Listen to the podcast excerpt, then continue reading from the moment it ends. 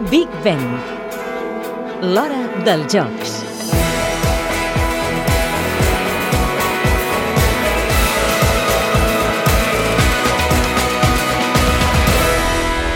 La renúncia de la selecció sud-africana a assistir als Jocs de Londres ha beneficiat la selecció espanyola d'hoquei herba.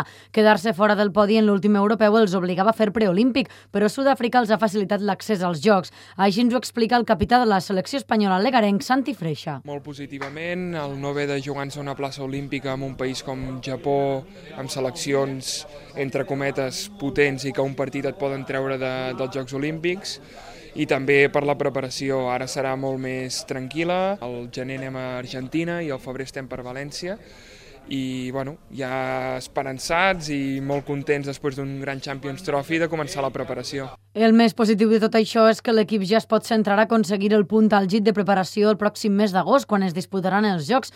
El preolímpic els podia endurir, però saber que estàs dins dels Jocs a aquestes alçades aporta tranquil·litat. Si passes un preolímpic eh, t'enforteixes molt com a equip. Segur, Alemanya l'any del, dels Jocs de Pequín va passar per un preolímpic i després va quedar campiona olímpica.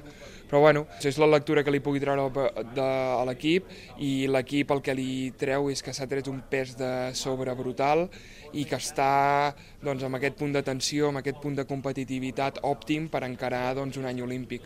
L'equip espanyol ha tornat després d'un viatge a l'Argentina fent partits de preparació ja pensant en els Jocs de Londres.